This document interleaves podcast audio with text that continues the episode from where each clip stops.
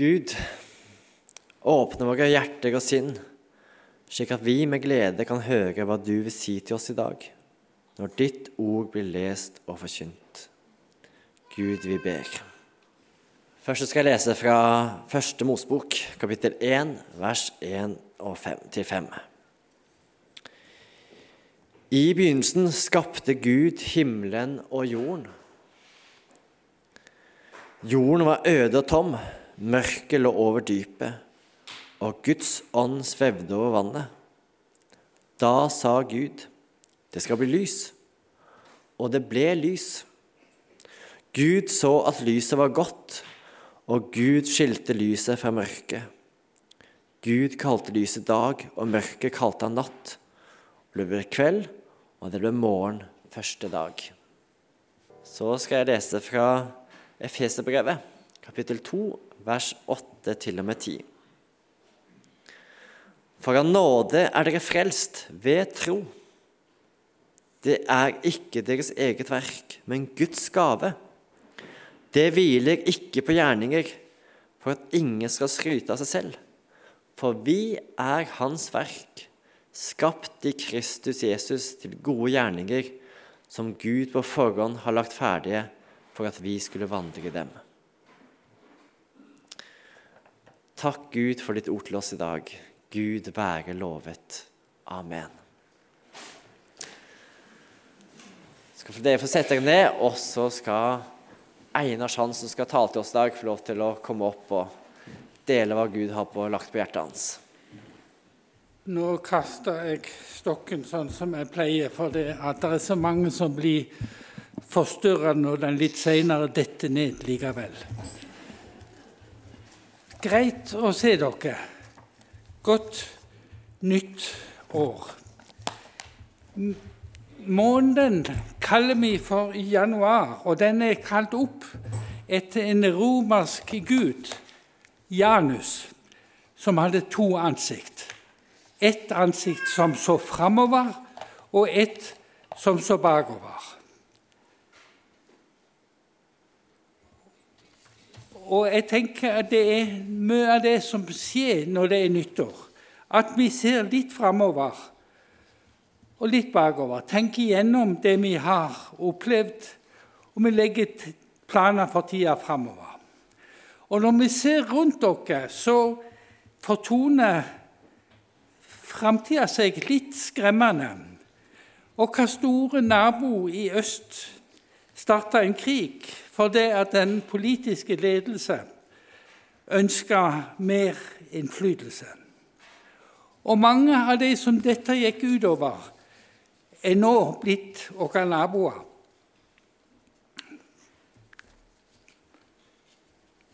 Det var ikke sånn vi så for framtida for et år siden. For vi ønsker alle en god framtid.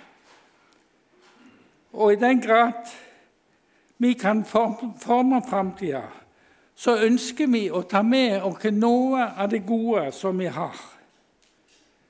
Og derfor for Når vi har med det, så føler vi en viss trygghet. og Derfor blir årsskiftet over en tid til ettertanke og refleksjoner og valg for framtida.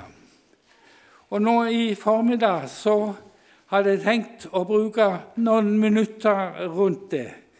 Eh, nå sa Per at jeg skulle tale. Jeg eh, ønsker egentlig å tenke det litt eh, Kalle det mer en andakt.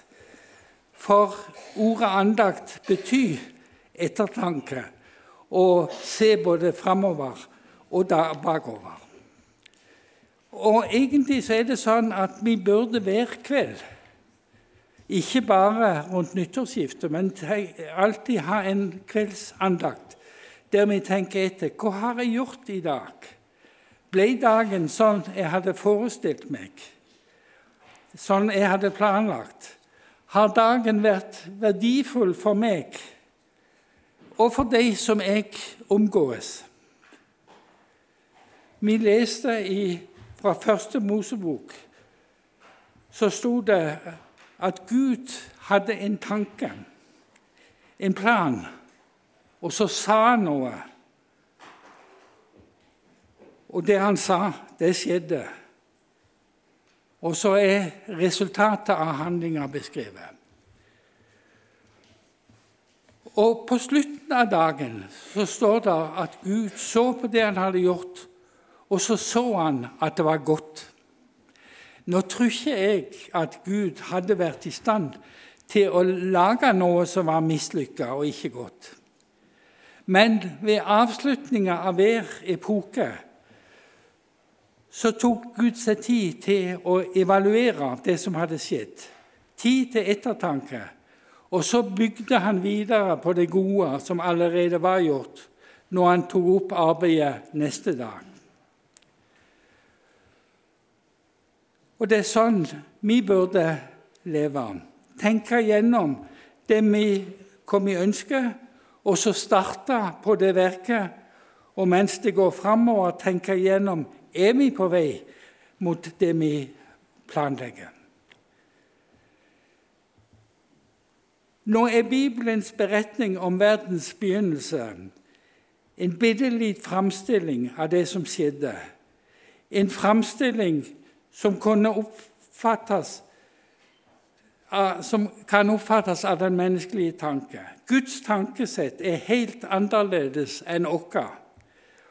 Men det vesentlige som kommer fram, er at Gud skapte noe som var godt. Og så kan vi glede oss over detaljrikdommen i skaperverket. Det er godt, og det er i samsvar med Guds plan. Og kvalitetsstempelet ble satt.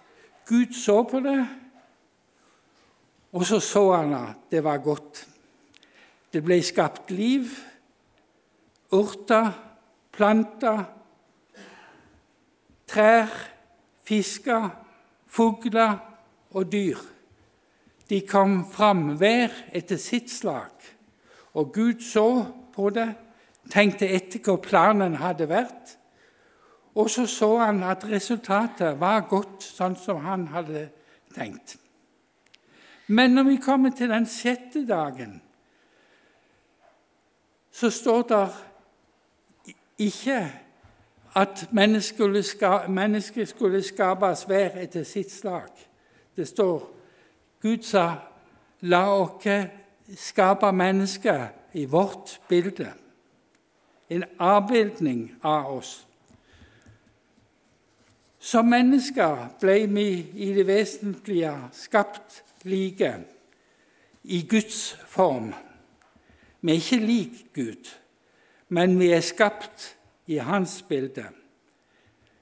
Vi er alle forskjellige, for Gud er for stor, for allmektig, for raus og for hjertelig, og har en kjærlighet som er så stor at den får ikke plass i en eneste en av oss.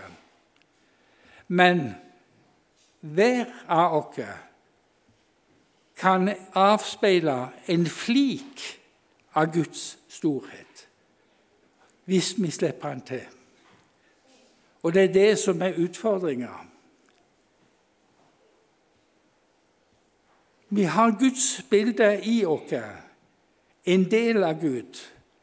Men én ting er vesentlig annerledes, og det er den delen av Gud som ikke noe menneske har eller har hatt. Det er ufeilbarhet. Uansett hvor snille og gode noen kan være, så har alle på et eller annet felt, tidspunkt trådt feil. Noen mer ofte enn andre, og mer uttalt enn andre.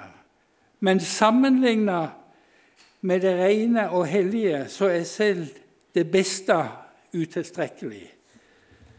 Og Bibelen er klar på ett punkt. Intet urent kan komme inn i himmelen. Vi er derfor i oss sjøl ikke i stand til å oppfylle de krav som må til for at vi skal komme inn i herligheten. Men fordi vi er skapt i Guds bilde, så ble vi skapt med evnen til å skille mellom det gode og det vonde. Vi ble skapt med en lengsel etter å være gode.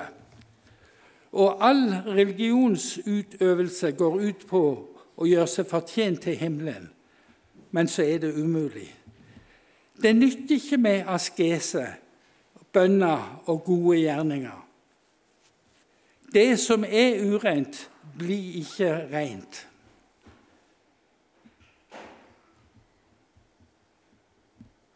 Gud, den allmektige, han åpna sjøl en vei. Ikke gjennom ritualer, men med sjøl å ta straffen. Så kom han og forsonte verden med seg sjøl gjennom sin sønns død på korset. Vi blir ikke rene, men vi blir rensa. Vi blir ikke rettferdige, men vi blir gjort rettferdige. Vi blir ikke hellige, men vi blir helliggjort. Gud skapte verden, og han så at alt var godt. Så kom synden inn og urenheten inn i verden gjennom vår ulydighet. Og det skapte et skille mellom Gud og menneskene. Men så rev Gud ned gjerdet, skilleveggen, for å åpne adgangen for enhver som ønsker å leve sammen med Gud i det høye og hellige, og de skal få gjort det.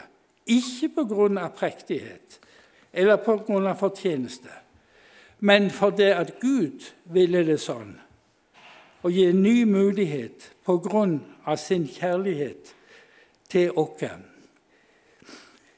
Det er ufattelig, og vi trenger ikke forstå det, for det er ikke mulig.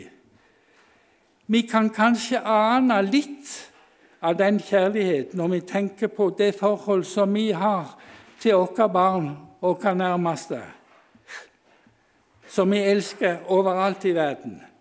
Vi er villige til å ofre alt for at de skal få det godt.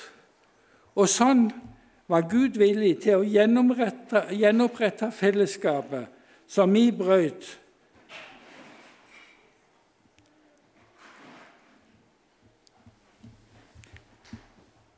Men det som Gud oppretta, det beror ikke på vår kjærlighet eller prektighet, men altså på grunn av den kjærlighet som Han har til oss.